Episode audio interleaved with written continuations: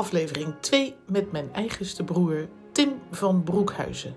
U heeft hem allemaal misschien gezien bij het programma I Can See Your Voice. En vandaag praat ik met Tim over zijn favoriete klassieke muziek. U zult horen dat bij hem muziek en beeldtaal enorm verbonden is. Logisch, want hij is beeldend kunstenaar. Ik zou zeggen, veel plezier met deze tweede aflevering van Leuke mensen met hun favoriete klassieke muziek. Daar zijn we. Volgens mij doet hij het. Ik heb op rek gedrukt als het goed is. Dat hou ik er dan ook altijd even in. Uh, welkom bij aflevering 2 van de podcast Leuke mensen en hun favoriete Heet het echt zo? Sorry, ja, nou, nou, nog een keer. Ik kijk even. Nee, nee, nee blijf maar Tim, dat is Oh ja. juist zo leuk. Ja.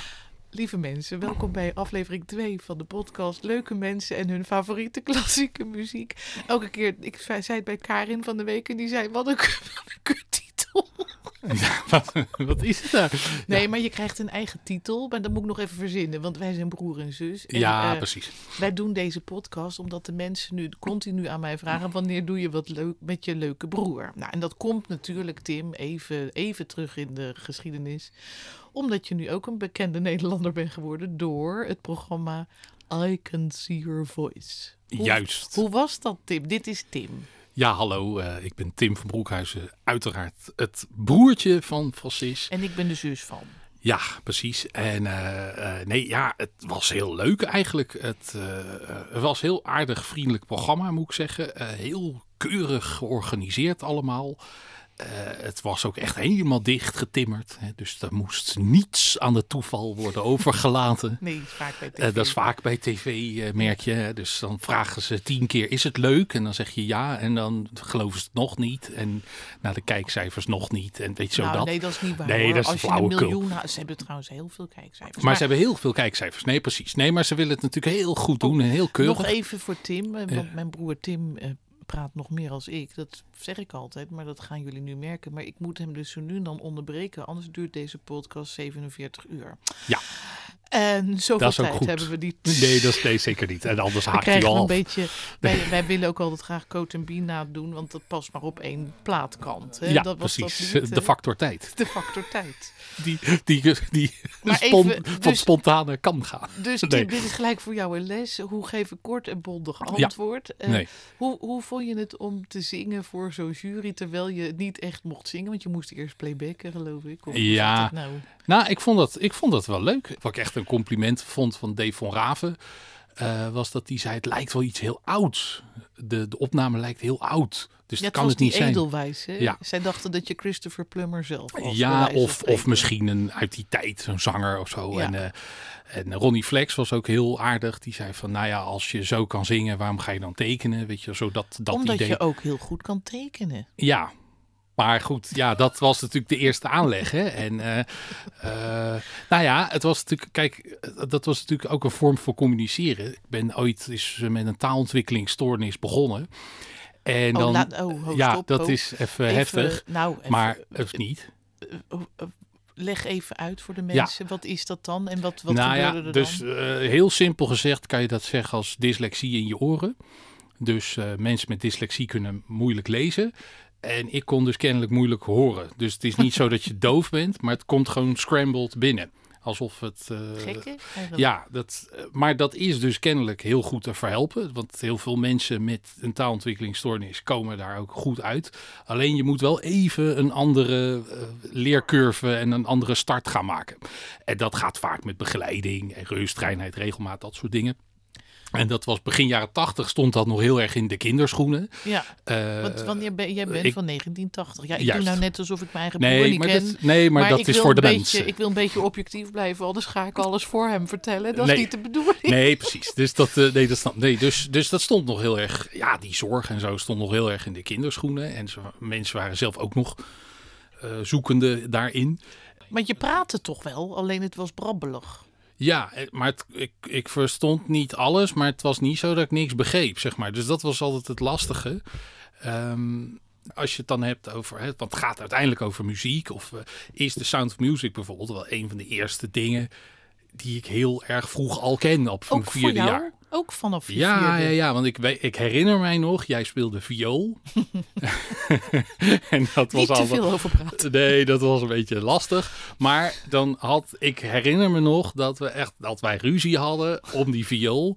Want dan wilde ik met die viool Maria van Trap nadoen met die gitaar. Oh, dan deed je hem als een gitaar vasthouden. Ja, en dan, maar ja, jij zag natuurlijk je viool van nou, eh, dat is niet zo'n goed idee om daarmee te nee, spelen. want het is geen gitaar. En het is geen gitaar en dat was ook geleend of weet ik veel wat. Nou ja, Ja, die, hadden we gehuurd. Of want het dat was gehuurd. heel duur. En die Ja. huurde je dan bij Willem Bouwman uit Den Haag. Ja. Precies, dus dat was natuurlijk heel ingewikkeld allemaal. Maar ik herinner me wel dat dat, dat wel een ding was. Of dat dat wel indruk maakte. En eh, ja, dus dat, dat was wel een, een, een ding. Dus, dus ondanks die taalontwikkelingsstoornis, daarom heet het ook een taalontwikkelingsstoornis, omdat je er ook weer uitkomt. Vroeger heette het dysfasie, dus dan betekent dat dat, dat je hele leven mee gaat. Maar eh, ze hebben dat nu anders genoemd, omdat je er ook weer Oh ja. uitkomt. Is de ervaring van de therapeuten. Tim, ehm, Ja. ik, ik, weet dat, zelf. ik weet dat natuurlijk dat dat zo was. Want wij schelen vijf jaar. Ik was vijf toen jij werd geboren. Ja, Hele leuke baby. Ik deed ook je luiers en zo. En, eh, ja. eh, je, ja, je, jij was natuurlijk, ik was een soort eh, tweede moeder erbij. Want ik vond helemaal het einde dat er zo'n kleine baby in de familie Ja, bij kwam. Dat was natuurlijk heel leuk. Maar toen was je groter en toen kon je dus niet praten. Dat hebben wij ook allemaal meegemaakt. Maar je, je ging heel snel heel leuk tekenen. Al Ja. op je vierde ook, vijfde. En dan Ja. deed je al echt Disney-figuurtjes tekenen en zo. Ja, dus dit was voor onze ouders een ontdekking. Dat ik opeens een Katrien Duk tekende. Of een Mickey Mouse. Of, Ja. eh, of de kruiswegstaties. Of eh, en gelijk ook heel katholiek. Want we zijn katholiek opgevoed Maar natuurlijk. ook Maar, gelijk in een soort beeldverhaal. Hè? Want Ja. strips hebben Ja, altijd dus je ook verhalen, ja. ja, dus ook eh, de, de, de gendarmes van eh, Louis de Funès. En, eh, en ik heb, eh, maar toen kon ik wel al spreken hoor. Maar ik heb ook bijvoorbeeld de hele La Grande Vadrouille. De, de Samen uit Samen Thuis film getekend. Nou weten mensen thuis niet waarover het gaat. Nee. Is een film van Louis de Funès over Ja. de Tweede Wereldoorlog. Ja. En dan is hij dirigent in de Parijse opera. Ja. Wat mij altijd erg aansprak natuurlijk. En die moeten vluchten naar het vrije Frankrijk. Ja, een komische film waarin en de Fransen en de Engelsen en de Duitsers allemaal belachelijk zijn. Daarom is het zo'n goede komedie eigenlijk. Nou, Dus als, dat, eh, als je het nog niet hebt gezien, ga die film ja, huren, zou ik zeggen. met fantastische muziek van Berlioz. Ja. De, de, de Lambda, eh, Le Damnation de Faust. Hè, de, Ja. de, eh, eigenlijk al opera. Ja, en dan zegt, en dan staat er een man helemaal gekleed in een prachtig duivelpak, hè, Ja. als, als Mephistopheles. Ja, en ja. die moet hun dan, die zit in het verzet. Dat is Ja. ook zo leuk. Ja, En die doet hun dan uitzwaaien en dan zegt hij, God behoede u. Maar Ja. hij staat helemaal verkleed als Ja. duivel. Ja de duivel mooi. zit in het verzet. Even terug naar, eh, jij ging dus tekenen, want we Ja. moeten nog naar je klassieke favoriete muziek Maar dat was communicatie. Tekenen. Ja, je dus- kon daar je mee uiten. Ja, dus, dus eh, laat ik het zo zeggen. Ik beschouw mezelf niet als een briljante tekenaar. Nou, misschien nu wel, maar toen niet. Hè. Dus onze neef Ad, die, die kon op bij wijze van spreken die leeftijd al beter tekenen dan ik, zeg maar. Maar dat Ja. was nooit zo. Bij mij was de kwantiteit belangrijk. Dus ik kon in die strips die ik maakte, beeldverhalen maken, van vertellen van nee, dit weet ik. Ja. Wat ik Nog in niet taal zo goed niet zo goed vertellen. kon. Dus ik kon ook. eh, eh, dus ook een punt bijvoorbeeld was dat ik heel veel eh, hoorspelen toen al verzamelde. eh, daar, dus ik was eigenlijk helemaal weg van Van en de Bie Hengstebal, dat bandje. Oh ja. Dat was eigenlijk mijn eerste, een van de eerste hoorspelen. ook Lucky Luke En Lucky? Luke Ja. en, en Asterix. En daar komen we misschien straks En nog Suske en eventjes. Wiske ook, Suske en Wiske. Ja. Dus dat hoorspelen, luisterstrips. Waren dat toen eind jaren tachtig. En nou, in- in combinatie, maar, maar, maar bijvoorbeeld van en de Bie Hengstebal, die plaat, met name dat telefoongesprek. Hè, dus eh, mannen bellen, Ja. eh, maar ook mannen hebben relaties. Dus heel wonderlijk dat ik dat toen heel tof vond. Hoe oud Want was je toen? Toen was ik denk ik jaar of zeven. Eh, voor de mensen thuis even. Toen was ik wel al aan het praten. Dus toen was al voor een heel groot gedeelte ehm, de taalontwikkelingsstoornis wel doorbroken. Dus ik kon weer communiceren in taal.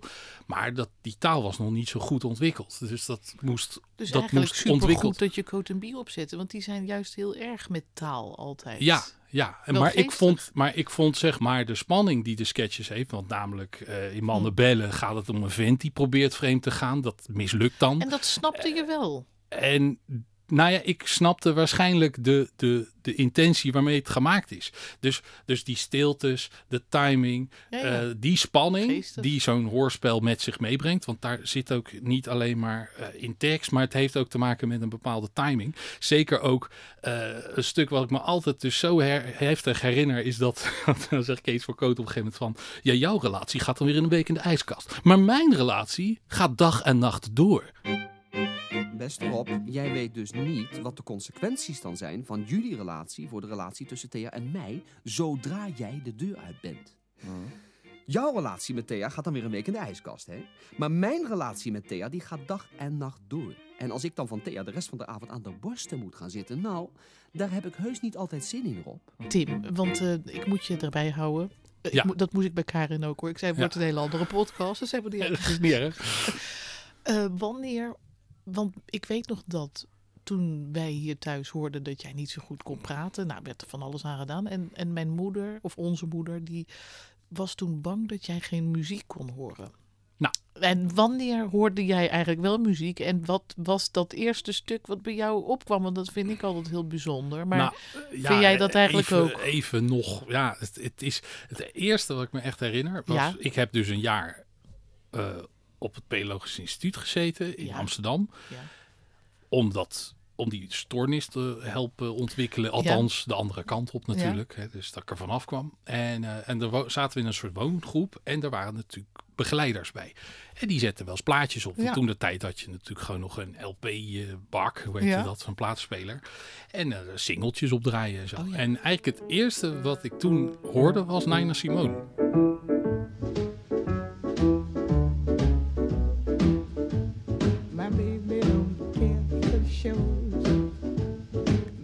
Ja, my, my Baby Don't Care For Me, zeg maar. Oh ja. Eh, en eh, ja, Mooi. dat, en daar was ook toen der tijd ook een clip van met klei. ja Dus ook weer, ook weer zo'n visueel interessant ding.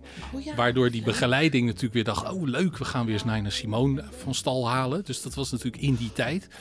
En eh, nou ja, jij vertelde geloof ik dat Nina Simone ooit Bach wilde spelen. Omdat ze bruin was, mocht het allemaal nooit. hè. Heel fijn in Amerika. Klassieke pianist was Eh, het, ja, ja. Dus, dus eigenlijk, eh, natuurlijk, nou ja, maar gewoon een fantastische artiest natuurlijk. Maar dat is eigenlijk het eerste ehm, echt muziek wat ik me herinner. En wat je meteen ook aansprak.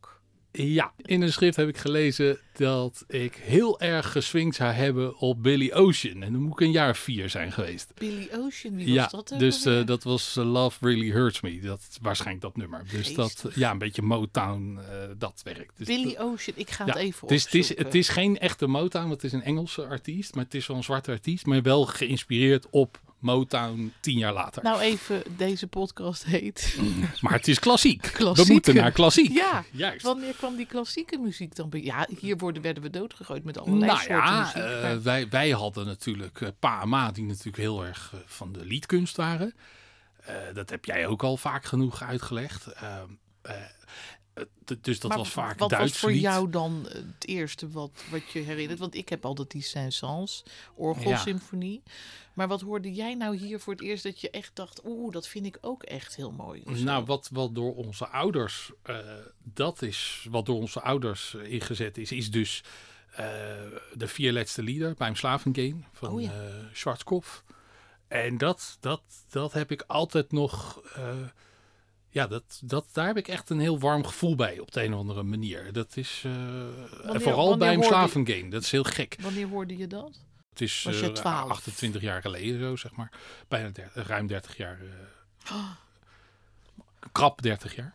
Maar, ehm, maar het Oh. mooie van deze versie vind ik is... Je hebt heel veel versies. Hè. Je hebt Lucia Pop en je hebt Jesse Norman en je hebt van alles. Hè. Je, ook- Isokos. ja, en Vivo Otter zal het ook wel gezongen Nee, hebben. want het is te laag. Is Oh, nou ja, weet ik veel. Maar gewoon van die, nou ja, elke zangeres die het kan, die doet het, weet je wel.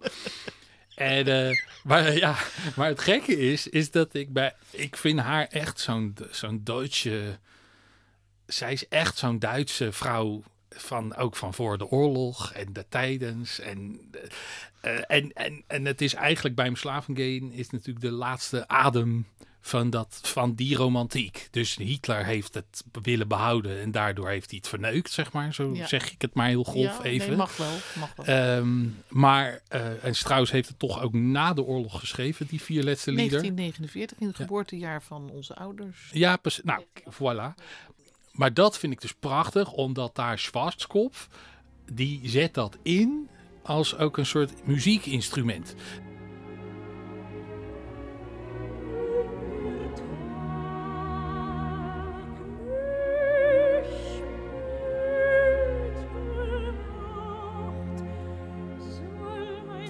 Vrouw, eh, zangeres, die dat eh, dan hoor je echt zo.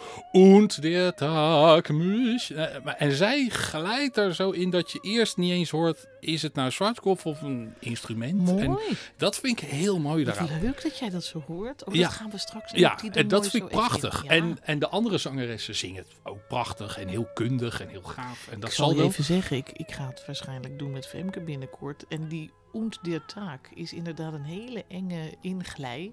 Ja. Omdat die ook zo komt dat je denkt, oeh. En dan Ja. heb je heel snel die, uh, die glottisslag natuurlijk. Ja, waarschijnlijk omdat het woord und ook dat heeft, Ja, is dat heel lastig ik ga toch maar weer naar die zwartkop even Ja, luisteren. Hoe Maar zij dat doet. deze dan. is, eh, en waarschijnlijk is het ook weer alleen deze opname, want ze heeft ook een andere opname en dan is het ook weer Net anders, weet je. Dus, maar Nee. ja, dat is misschien ook de jeugdopname, hè. dus dat je ook niet meer anders wil dan die. Dat heb jij ook? Ja, dat heb ik met dit sterk, ja. Ja. Maar dat heb ik met heel veel muziek. Dat, dat ik dan iets als eerste heb gehoord. Heb jij dat ook? Op een Ja. bepaalde plaat. Ja, En als je het dan daarna in een andere versie hoort, dan kan je het eigenlijk nooit meer helemaal dat gevoel terugkrijgen dat wat Nee. je bij die eerste plaat had. nee, dat, nee, dat kan, eh, behalve dan als je... eh, ja, dat is lastig. Of je moet het dus weer anders doen. Dus dat is altijd het. Dus je hebt Want ik of vind je doet het Schwarzkopf, als ik er nu naar luister, hè, Mhm. dan hoor ik eigenlijk dat ze als zangeres de vocalen heel vreemd doet, die je normaal Ja. als zangeres nooit zou doen zo.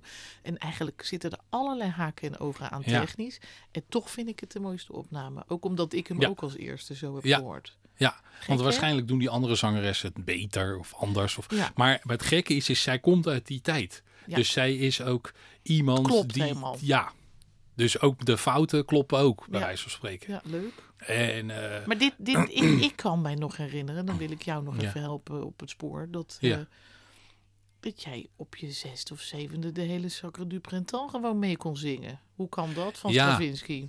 nou, ehm, ja.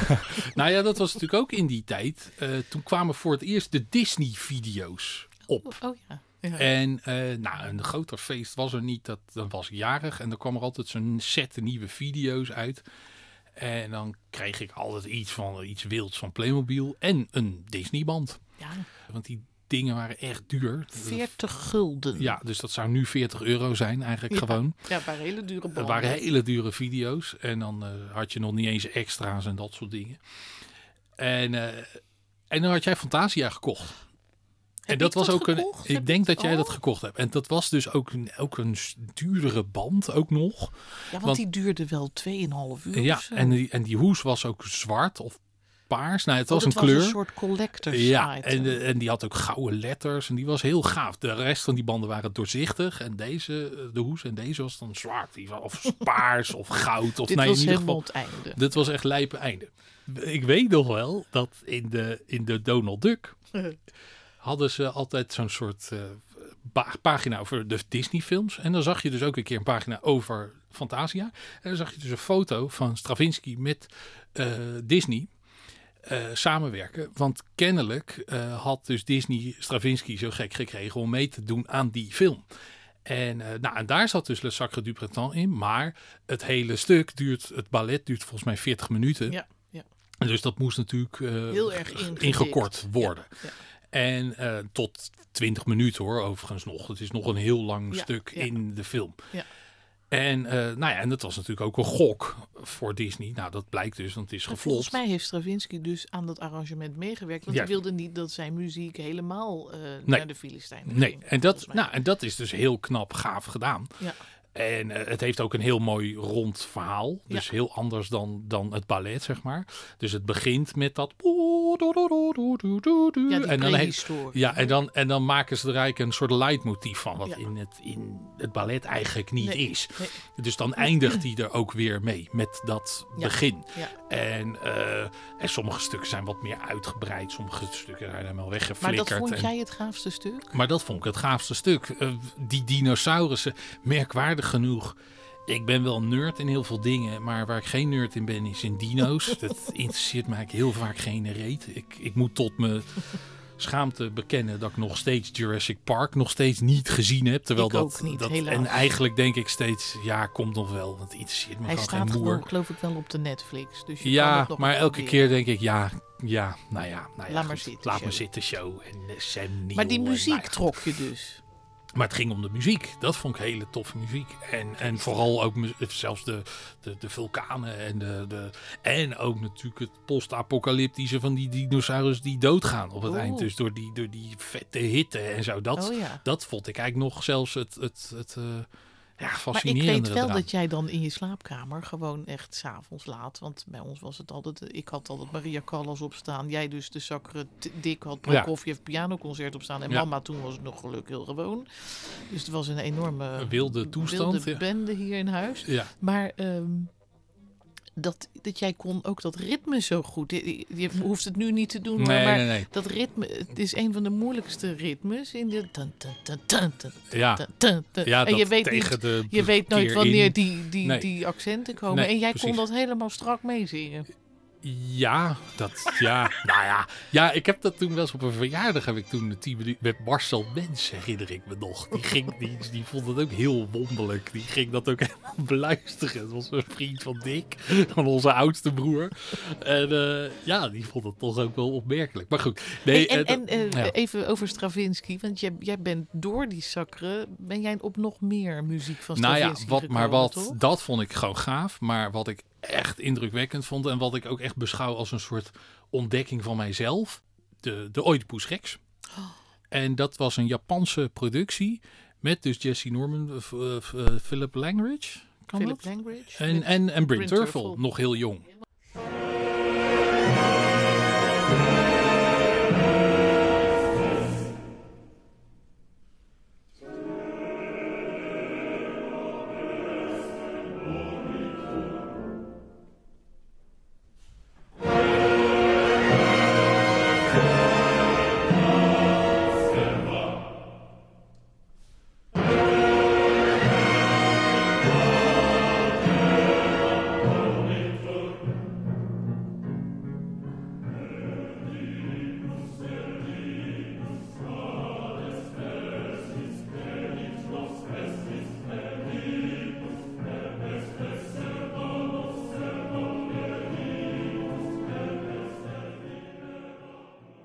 Was het wel zo dat ik geloof dat onze moeder, toen ze in de verpleging zat, Ja, met Karin van Doeveren, draai- die draaide dan altijd Oedipus, die plaat die hebben plaat. we hier Oh, ergens die staan. Maar Ja. dus die, die kende de muziek al. Maar deze Ja. film was Maar met name deze nieuw. productie. Ja. Dus het gaat niet, eh, want, want het was niet zo dat Ma die plaat nog eens opzette in Helemaal onze niet. jeugd. We hadden het nooit meer gehoord. En Nee. wij hebben dus, of jij hebt toen op die middag blijkbaar voor het eerst die muziek tot je genomen. Ja, en, en, maar toen was het, tuurlijk zette Pa Maat ook weer op. Ja. Maar het, het gevoel was, dit ontdek ik nu, Nu zelf. Helemaal zelf. Ja. en dit vind leuk. ik zelf nu gaaf. Ja, en dit heeft leuk. eigenlijk. En dat pa en ma die vonden het wel eh, oh, mooi. Maar, maar het was nou niet zo dat zij dachten daarna, wat ze dus heel vaak wel deden met andere muziek, een soort muziek binge, gewoon tien keer draaien. Ja, dat Zwartkop ze- werd tien keer gedraaid. daar niet mee. Maar dat deed ze met Oedipus jij Rex niet. En ik wel. Dus ik wilde dat hebben. En ik wilde dat Ja. eh, cd of bij de bibliotheek halen. En dan was het natuurlijk niet die opname. Nee.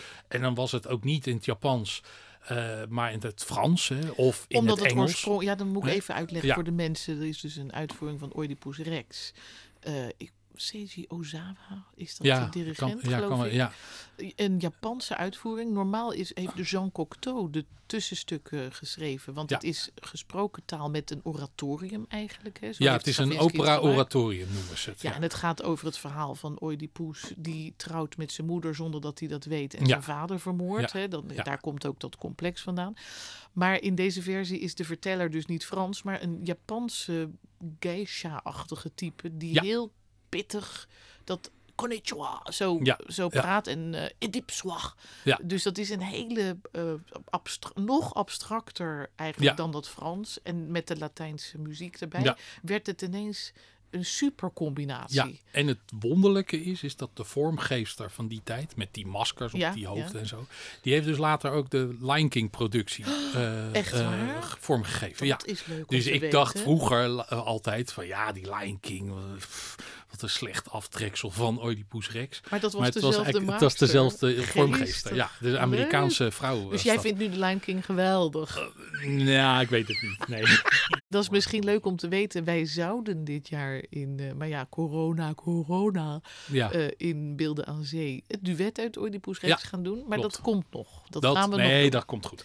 Maar en, dus dat, dat, dat, dat willen we echt een keer graag Nee, samen zeker. zingen. Maar dus, dus ook weer dat, dat, dat Japanse, het wonderlijke eigenlijk nu is, is als ik het nu terugkijk. Ik kijk ook heel graag nu Japanse films. Hè, dus, dus, eh, dus van met name die vormgeving, eh, dat gestileerde, de, de Japanse houtsnijwerken en zo. En Oh, dat heeft me altijd wel aangetrokken. Zeg ik geloof maar. dat Quentin Tarantino er ook heel erg gek mee is. Hè? Ja, maar, maar als je het hebt over Japanse cinema met name, dat is echt, Heel dat is zo weergaloos mooi eigenlijk. Oh. eh, dat, dat is, Maar dat is misschien voor een andere maar dat gaan we nog een keer, eh, dat is nog een andere keer. Maar dat gaan we Nee, echt daar, maar kijk, dit het- bedoel ik nou mensen. Ja. Mijn broer heeft een associatievermogen dat hij Ja. tien keer de slimste mens zou kunnen winnen. Nou, dat valt wel mee, Maar- denk ik. Maar goed, nou ja, ja. de puzzel lukt me vaak wel. Maar goed. maar de- Nou, je hebt het nu steeds over film. En ik weet dat jou, dus Stravinsky is een grote liefde van je. Ja. Ik monteer die muziek er allemaal onder. Hè? Dat wordt heel erg leuk. leuk, ja. En eh Strauss dus. Dat Ja. is super romantisch. Stravinsky wordt al modern. Maar Ja. ik weet...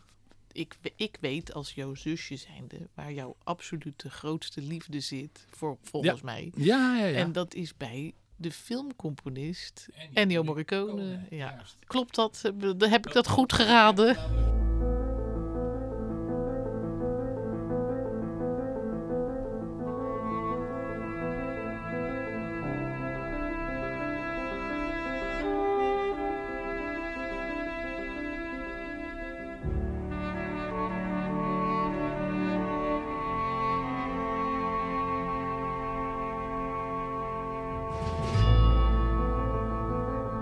Dus dit wordt het blokje eh, in de Morricone. podcast. Tim en Francis. Blokje Morricone. Ja. En ehm, nou ja, ik heb er weer, ik heb er heel erg over nagedacht over welk stuk ik dan het, ja, het beste vind, maar ook Je- het wat je het omschrijft. allermooiste vindt, maar dan mag je er nog 600 bij Ja, noemen hoor. Maar nee. wanneer zag jij een eerste spaghetti western waar die muziek, dus Sergio Leone, welke film, wie, wel, wat heb, wanneer zag je dat voor het eerst? Wanneer zag ik dat? Oh ja, wanneer zag ik eigenlijk de eerste... Nou, onze ouders hadden de plaat Het gebeurde in het Westen. Oh ja, En die stond in de doos. En dat was altijd dat, dat beeld van die twee mannen die op die galg hangen met Henry Fonda die die harmonica in de mond stopte. Die plaat zette ik wel eens op. Maar eh, het rare, het gekke is, is dat is prachtige muziek. Maar het, is, het heeft mij toen nooit nog gepakt. gegrepen. Nee. Dus ik vond wel die harmonica gaaf. Het thema van Henry Fonda is heel mooi. Eh, het is, is zelfs gebaseerd, zegt men, op de commandatoren van eh, Mozart. Mozart? Eh, Oh, ja. Een van die thema's. Oh, Ik hoor het hier niet heel erg uit, maar Oh, oké, ik geloof het. Dat Morricone, want Morricone zoek gebruikte heel veel. op, ja. Maar Morricone gebruikte heel veel Mozart en componisten en ja. Chopin ook en zo. Beethoven. En, maar, ehm, maar wat me eigenlijk echt eerst greep was eh Jiskevet. Waarin dus Michiel Romein en René van het Hof een cowboy en een indiaan spelen in een ballet. en dat ballet was geschreven door Ennio Morricone. Oh, En dat was eigenlijk de- het thema van For a Few Dollars More. oh, Ofwel uh, Per qualche dollaro in più. Dus, Oh, dus het was natuurlijk een Italiaanse het was een film. Italiaanse film Ja. natuurlijk. En dat was dus, jij vond dat toen altijd een heel irritant nummer, weet ik nog. Want dat oh. was met zo'n fluitje, wat zo... Ja. ja, dat was, en dat was met een mondharp en dat was met van alles. Even voor de mensen thuis, dat draaide Tim dan geloof ik 80 keer achter elkaar. Dus ik hoorde continu dat fluitje. Maar als je de context er niet omheen hoort, dan word je daar dus helemaal eh, rondol van. Ja, maar ik vond dat geweldig. Dus toen heb ik ook gelijk een cd gekocht. En oh. dan zag je dus de cover van weer Once Upon a Time in the West.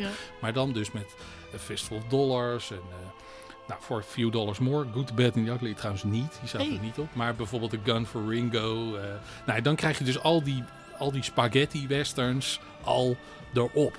Maar Eh, zag je die films dan ook? Nee, want, je had, want die waren allemaal niet te krijgen in die tijd. Oh. Dus je moe, ik moest echt met een lantaarntje zoeken naar die films. Dus ze kwamen soms nog wel eens op tv. soms in de Virgin Store in Den Haag. Dat was een Engelse winkel, dus die had wel eens importbanden. Maar ja, Oh ja. ga maar eens een, een Django kopen voor 50 euro. Of gulden, maar dat is natuurlijk 50 euro nu. Nou ja, dat doe je gewoon niet als 12, 13-jarig, 14-jarig mannetje. Dat Nee. gebeurt dus niet. Dus, dus dat was heel lastig te vinden. Dus alles wat je kon Kon kopen, Pakken. of kon kopen of pakken, of op tv met name.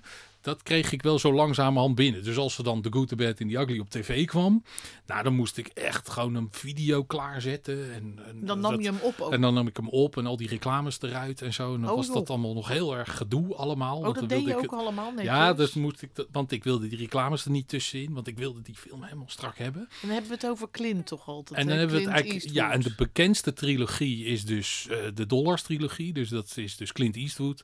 Later met Lee van Cleef. En dan nog later weer Eli Wallach. Dus dat zijn echt Oh ja, de Amerikaanse de acteurs. Bad en de Ugly. Ja? Ja. en, Ah, eh, ja, en dat zijn eigenlijk de drie. Precies, dus dat zijn eigenlijk de drie fantastische eh, films. Waarin dus weer een hele Italiaanse filmindustrie opgezet is. Dus er Oh. zijn 700 spaghetti westerns gemaakt. Naar aanleiding van deze drie films. Dat was echt een hit. Maar En- even nu weer dan terug naar je biografie. Je hebt dus, dus jij, Ja. jij hoort die muziek. Jij denkt, Ja. jeetje, die Ennio, Ennio Morricone is geweldig. Ik heb, we hebben platen Maar nou ervan. hoor ik The Good, The Bad and The Ugly. Ja, Dat thema kent iedereen. ja, dat zing ik net. Maar in de, in de Good, The Bad and The Ugly zit The Ecstasy of Gold. Of La Stazia dell'Oro. De, de- ja, dus de- Nou. hoe, eh, hoe Ja. heerlijk goud wel niet ja, is. precies. En dat thema, dat is eigenlijk een van de beste eh, thema's waarin je dus ziet hoe de samenwerking van Leone en Morricone, dus Leone was de regisseur en Morricone de... Dus die moet ik hieronder monteren, ja, dat dus nummer. die moet je eronder monteren, want dat is eigenlijk het begin geweest van de volgende trilogie van Leone en Morricone. Omdat ze Once daar... Upon a Time, Ja, Once Upon a Time in the West, Once a- Testa en Once Upon a Time, Time in America, in America. wat mijn lievelingsfilm Ja. is, eerlijk gezegd. Precies, want wat was er met de Ecstasy of Gold, met dat stuk Ja, muziek? ja. Daar heeft Leone voor het eerst het idee gekregen om de muziek van tevoren te laten maken. Oh. Dus Leone vroeg aan Morricone, maak eens wat van tevoren. En daar gaan we op filmen. En daar gaan we op filmen. Dus we Oh, gaan eigenlijk, ja, we gaan eigenlijk een opera ervan maken. Dus je gaat, maar het interessante is, is dat Leone en Morricone allebei in hun biografie altijd zeggen, ja, dat deden we al helemaal op die set bij The Good, The Bad and The Ugly. En dan vind ik Clint Eastwood altijd geinig, want die zat heel droog. Die zegt, nou, echt niet. Er is niets gebeurd. Maar ik denk wel dat het idee Is ontstaan daar. Dus ze gingen De- eigenlijk die film maken zoals een opera wordt bedacht. Ja, precies. dus, Dus, je hebt eerst muziek ja, en daar gaan we een verhaal Ja, op maken. precies, Op regisseren. Wat leuk. dus het Heel idee... Italiaans toch weer. Ja, dus het interessante van eh, Once Upon a Time in the West, daarom is dat zo'n geniale film, Ja. is, is ze hebben samen met Dario, Dario D'Argento, die dus eh, heel veel eh, zogenaamde Giallo-films maakte. Dus dat waren... Is dat de cameraman? Eh, nee, dat was dus ook een filmregisseur. En Oh. Bernardo Bertolucci, Oh ja. die we ook kennen van Novecento en van, eh, Van, eh, de. Il, Conform, Il Conformista en The Last en The Emperor. Last Emperor, ja. Ehm, dat waren dus zelf ook filmmakers. En die hebben samen met Leone het verhaal bedacht van Once Upon a Time in the West. Dus Oh. drie, eigenlijk drie grote filmregisseurs. En, maar die hebben dus eerst tientallen Amerikaanse westerns gekeken. Dus dan moet je echt denken aan Shane. Is dat John Wayne? Ja, John Wayne, Stagecoach, eh, Oh ja. The Searchers, eh, The Man Who Shot Liberty Valance, eh, Johnny Guitar. Nou, dat soort films allemaal. Allemaal uit de jaren 30, 40, 50. Allemaal dus John films die Ford. ik allemaal nog nooit heb gezien. Nee, en waar ik ook helemaal je- geen goesting naar heb. Maar nee, maar dat is. Nee, maar er zitten heel veel fantastische westerns Oh. tussen. Maar toen hebben zij eigenlijk gedacht: we maken een samenvatting van al die films in één film. Oh, En dat is Once Upon a Time in the West. Oh. Dus het is eigenlijk een soort hommage aan, de Amerikaanse die western. films. En het interessante is, is dat dat idee heeft eh, Leone gecommuniceerd naar Ennio Morricone. Dus toen stond er een idee alleen maar op papier. Ja, nog geen, geen niet echt een script of Nee. weet ik, niet echt een strak script. En toen zei, zeiden ze, nou ga maar componeren. Ga maar aan de slag.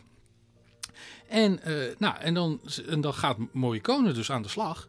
En die maakt natuurlijk een enorme operateske soundtrack. Die, die natuurlijk... Met van die, van die sopranen die altijd Ja. daar Ja. overheen En eh, die zingen. sopranen, die komen dus voor het eerst in de Ecstasy of Gold. Oh, Dus, Oh. dus, dus het goud is dus de sopraan. Dat Dus, klopt, ja, hè? mensen. Dat Ja. wil ik even benadrukt hebben dat dat klopt. Ik als dramatische sopraan. Ja, en nou vind ik Dat ook interessant. Hele, hele zware bonkgoud. Ja, precies. En, en, maar het interessante is, is dus bij die Ecstasy of Gold, daar zit dus het begin. Dan hoor je dus zeg maar de piano die een ritme aangeeft van het lopen. Je hoort Oh. zeg maar de klokken van, de, van het kerkhof. Je hoort zeg maar, je hoort dus de piano zijn dus ook de grafstenen zeg maar. Dus, Want Oh. het zijn namelijk duizenden graven. Eh, je hoort een soort... Dat is het, dat is zeg maar, nou nee, dat is het lopen Oh. van die Tuco, van die, van Oh. die Eli Wallach, die dus over dat, over dat Ja, ja. graf, maar hij danste dus als het ware beeldende overheen. muziek, wil jij Ja, zeggen. dus, eh, en, en ik denk dat Leone dat toen wel al in zijn hoofd heeft gehad, die muziek. Maar dan mag ik dan nog even weer je Ja. onderbreken, want anders Ja. wordt het zo'n eh, wild verhaal.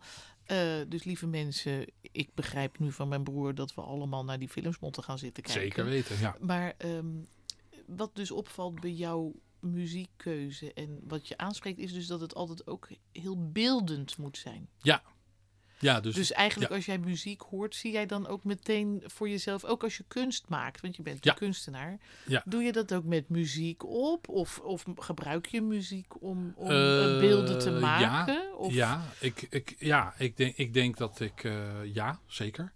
Dus als ik plaatjes zie, of dan kan ik er muziek bij zetten. Of ik kan ook bijvoorbeeld, eh, tegenwoordig monteer ik ook wat vaker filmpjes en zo. En dan helpt muziek mij enorm, zeg Ja. maar, om een bepaald effect te hebben. Heel Ja. vaak ook komisch trouwens. Dus, dus het hoeft dan niet, maar dan kan ik er Ja, iets fouts onderzetten. Om het Sound maar- effects misschien ook al? ja, ja maar, ook, maar ook muziek helpt daar ook bij om een bepaald gevoel te geven. Ja, want het is wel een- leuk dat we het nu over die film hebben. Want ik was dus met Karin Bloemen aan het praten. En zij zegt, ik, eh, ik vind een film pas goed als de filmmuziek ook echt goed is. Ja. En eh, Ja. ervaar jij dat ook zo? Als de filmmuziek niet goed is onder de film, dan is de film eigenlijk al naar de Ja, dat is eigenlijk al ruk. Ja, Denk jij ook, want we hebben nu zelfs bij Radio 4 hebben we, eh, dat is zo leuk, Radio 4 is natuurlijk de klassieke zender. Mhm. Eh, maar de laatste jaren is de filmmuziek, eh, wordt daar nu bij gepakt. Ja. Vroeger werd dat niet gezien als klassieke muziek. Nee. En tegenwoordig eigenlijk wel. Ja. En, en komt dat ook door Ennio Morricone, denk jij? ja om, onder andere denk ik. En John Williams misschien ook. ja, precies. Want John Williams laat zich altijd wel door Wagner bijvoorbeeld Ja. inspireren en Ja. zo. Eh, vind ik. Eh, ik weet niet of dat echt, maar dat denk ik wel. Maar Ennio maar, Morricone... maar Ennio Morricone is eigenlijk veel meer gek genoeg een soort eh, John Cage. hoe zeg je dat? Je had vroeger zo'n zo'n beetje van die minimal Ja. music, maar dat vind, werk. jij, vind jij Morricone minimal?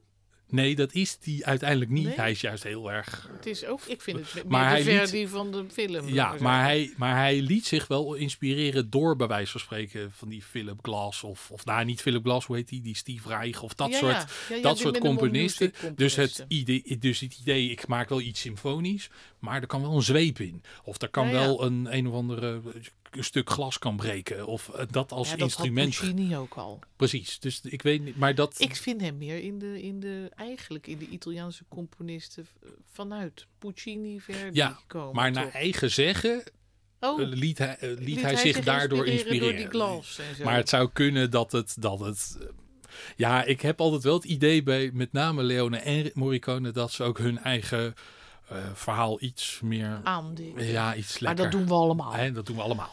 En hadden we, waren dit nou je stuk of wat had je nou? Je had nog iets volgens mij. Want eh, Nou, dat ja, ook. Ik heb met nee, dit ik weet het. Nee, ik voorbereid, weet het. Nee, dus, dus, Oh. dus, eh, nee, dus, eh, dus het enige wat ik er nog even over wilde zeggen, over Morricone met name, is dus dat dus de, de stukken werden dus, dus de films zijn zo lang doordat het door de muziek dus Ja, komt. dus Once opera. Upon- eh, opera. Opera Once Upon a Time in. America, die jij dus de beste vindt, is eigenlijk daar nog het meest extreem in. Ja. Dan wordt eigenlijk het laatste half uur echt alleen maar in muziek verteld en kijken ze alleen maar elkaar aan. Dan gebeurt er bijna niets.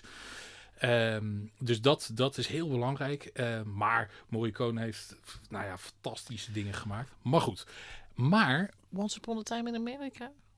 Nee. Ja, Of wilde je daar naartoe? Nee, maar die, die laatste is natuurlijk heel tof. En misschien is dat het bruggetje. Want die tijd is natuurlijk de jaren 20, 30 Ja. eh, in Amerika. Ja, maar want jij wil zo graag naar Kurt Weill, je andere grote Ja, liefde. dat is Kurt. Kurt. Kurt. En, en Kurt Weill is natuurlijk... En dat is ook wel weer heel eh leuke... Nou, dan kunnen we, kunnen we op het eind misschien weer terug naar Schwarzkopf. Ja. Mooi zeg. Ja, oh, hebben we weer zo'n soort rond balletje. Ja, een rond balletje. Ehm, nee, lijkt dus Koert, wel. ja, ja. Nee, dus Koert, nee, Koert Weill is het, dat Is heb ik ook. grote liefde. Want dat waren cd's van jou, ooit. Jij hebt ooit met Sinterklaas eh, de oude opname-cd gekregen. Zo'n zo'n zo'n doosje met zo'n Van voedraal. Van de Drijkroschen Maar dat, daar stond eigenlijk allerlei gekke opnames ja, van op. alles. Prachtig En allemaal uit Mooie CD, die heb ik 1929. nog, hoor. Die heb je nog, precies. Ja. Ik heb hem ook eh, uiteindelijk nog weten te kopen. Maar eh, jij zette toen die cd op met die oude opnames. En eh, Met dat gekke zingen. ja, en vooral dat, dat, dat beginorkest, wat, wat met die brass instruments, wat natuurlijk heel rare tonen had en zo. Dat vond ik gelijk Jazzy heel jazzy. Dus eigenlijk de eerste track, als je iets eh, hierachter knipt, ja. dan eh, doe je dat stukje. Ja. Wat dat vond, en dan dat die man dus sprak. Äh, Sie werden jetzt ein paar Songs über einen Oper Oh ja. für Bettler hören. Oh ja. Dat was het. En dan, äh, äh, und weil sie doch so billig sein sollte, dass nur Bettler sie bezahlen können, heißt sie die drei Groschen Oper. Zie je, ik heb het ja, weer je weet het wel. Ja, maar het moest Tim even heeft een olifantengeheugen, lieve mensen. Maar, dan, eh, maar je kan het er ook onder zetten. Dus.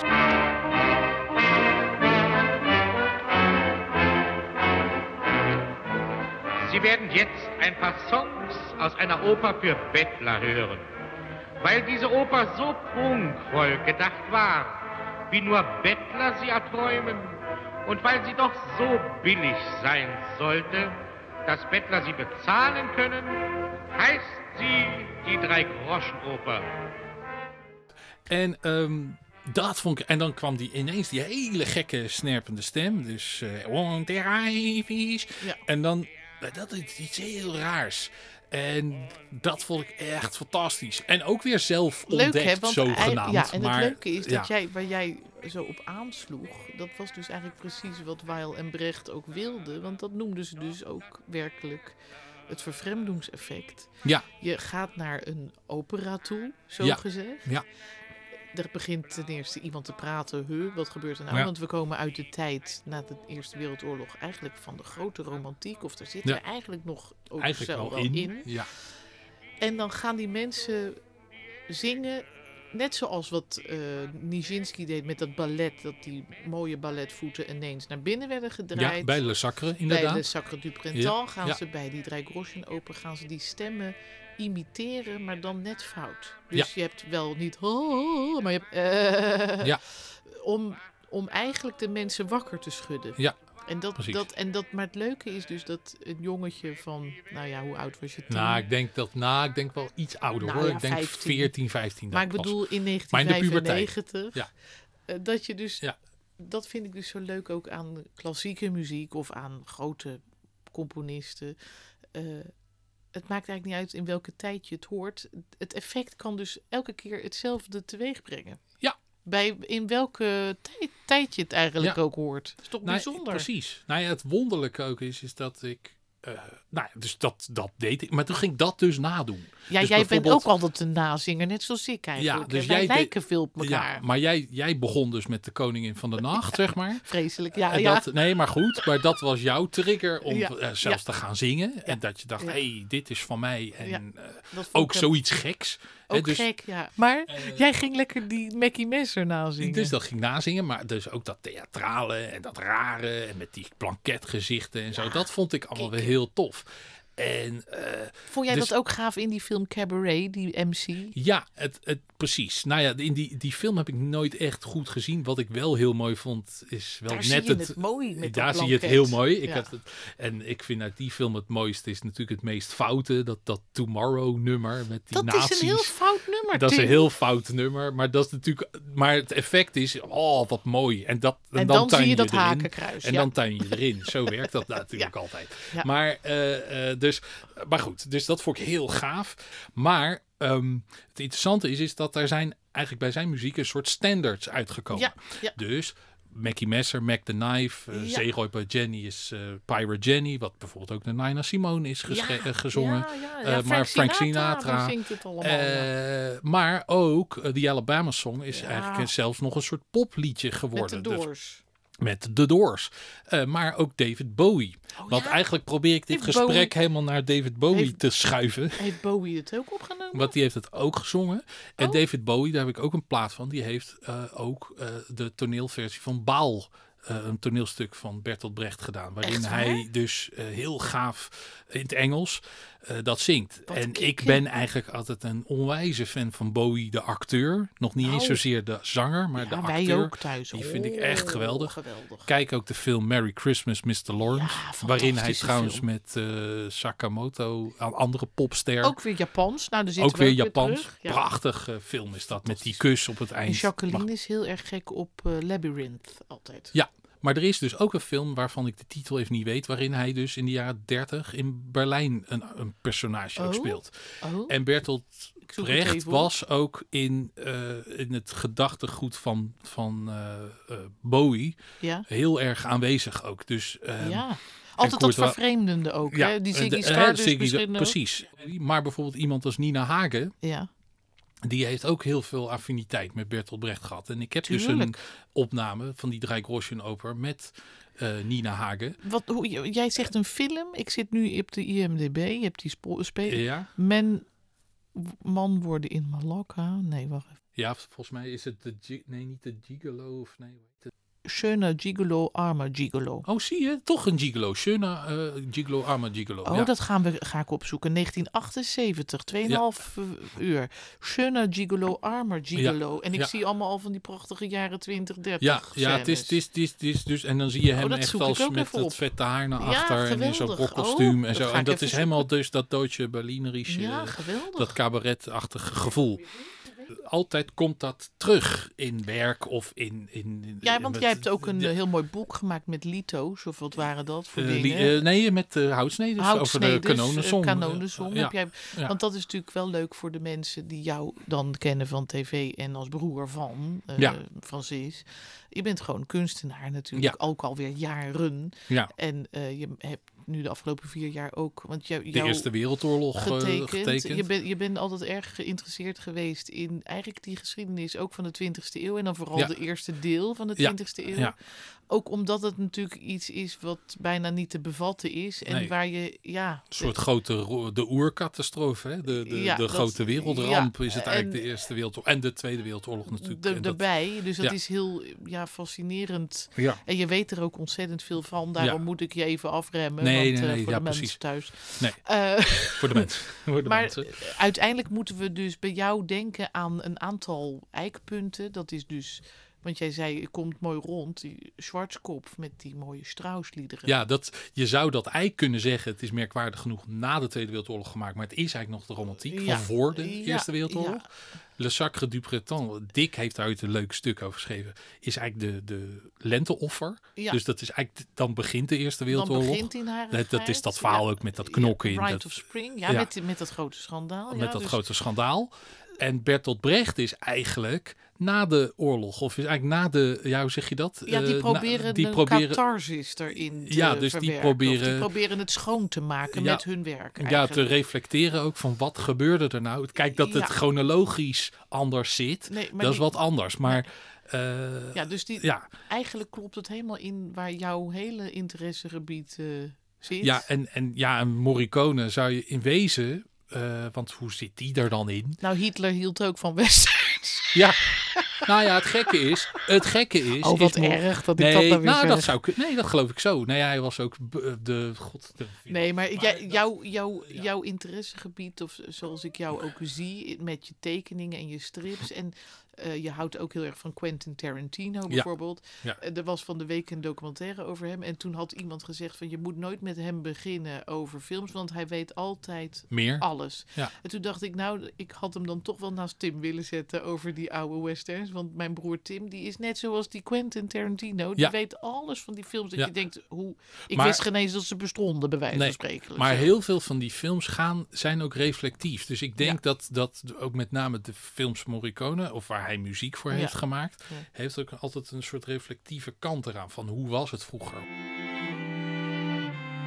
Even gewoon als voor de, voor de afsluiting van... eh, dit was je favoriete muziek en daar komt het vandaan. En dat, Mhm. dat net zoals die Beimschlafengenen hoorde je dat hier. En, maar eh, wat, wat betekent die muziek nou eigenlijk voor je?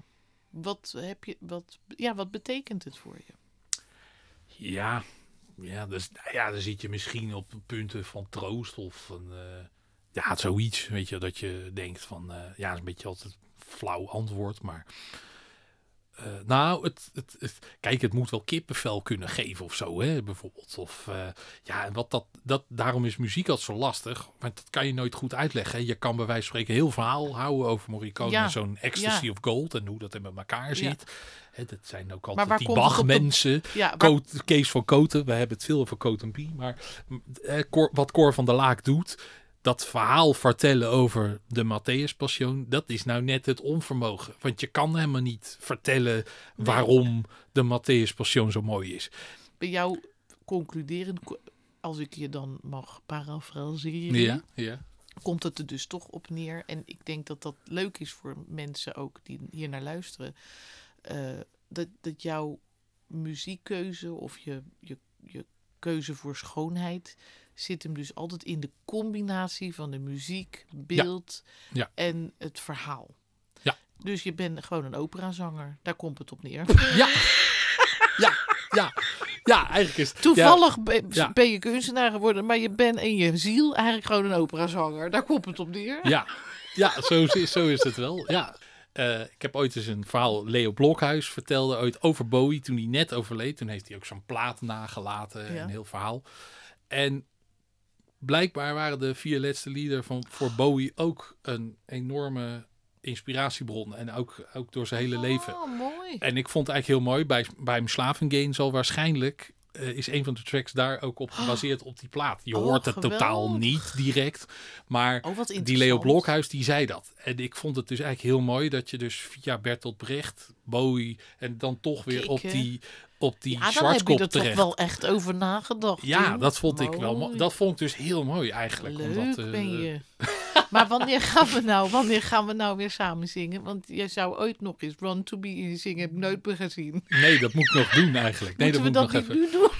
Eh, Eh, ik zou zeggen, Tim, we zijn rond hè, met eh, David Bowie, Brecht, Schwarzkopf zingende beim Slavengane. En dan tussendoor dat Stravinsky ook nog zes brillen op zijn hoofd heeft. Ja. En Ennio Morricone. ja, Eigenlijk allemaal hele leuke, leuke fragmenten. Die moet ik dan allemaal gaan zoeken en knippen en plakken. Dat vind Ja. ik nog het allerleukste bij het knippen oh en ja, plakken. ja, dat is natuurlijk... En hoe lang heeft het nu geduurd? Ik heb geen idee. Ik denk een uurtje en dat is precies Oh, goed. dat eigenlijk heel netjes Ja, dan gedaan. knip ik het nog een Oh, beetje. Maar ik vond je erg gezellig. Ja, En eh, nou hoop ik dat jullie thuis die hebben zitten luisteren misschien geïnspireerd raken om eens zo'n mooie film te kijken van. Zeker. ja, zeker. En met, welk, met welke moeten we dan misschien beginnen? Ehm, nou, The Good, The Bad and The Ugly zou ik altijd gewoon kijken. Ook is gewoon een hele entertainende film. Gewoon leuk. dus dan, want is ik voor ben elk wat wil. ook voor als je niet zo'n western type bent. Nee, dan is The Dan Good, The Bad die and The Ugly pakken. is Nou, fantastisch. Dan Ja. is dat de laatste tip van de dag van Ja. broer Tim. En dan zou Ja. ik zeggen, dan druk ik nu op applaus. Eh, bedankt voor eh, deze leuke podcast. Even nog een lachje erbij ook, dat we hebben gelachen. En nog een applausje. en dan, eh, dan zie ik je... Tot horens en of straight balance. Nee, dan eh, Nee. gaan we gewoon nu lekker koffie drinken. Wat vind je daarvan? Lekker koffie drinken. Ja, gezellig. En, eh, Ik vond het heel leuk, Tim. Ik denk dat de mensen het heel leuk vinden, want ze vragen continu naar je. Ja. Hoe is het nou Oh, met je ja. broer? Oh, hij heeft weer een Eh, dingetje, die ik houden we hem. erbij. Eh, Ennio Morricone, eh Novecento, 1900. Die muziek is prachtig en die hebben Coat B ook altijd heel mooi gedaan. Ik heb de applaus bij onder gezet. Nou, heel fijn. Dankjewel, Tim. Ja. Tot de volgende keer. Tot de volgende Doei. keer. Doeg!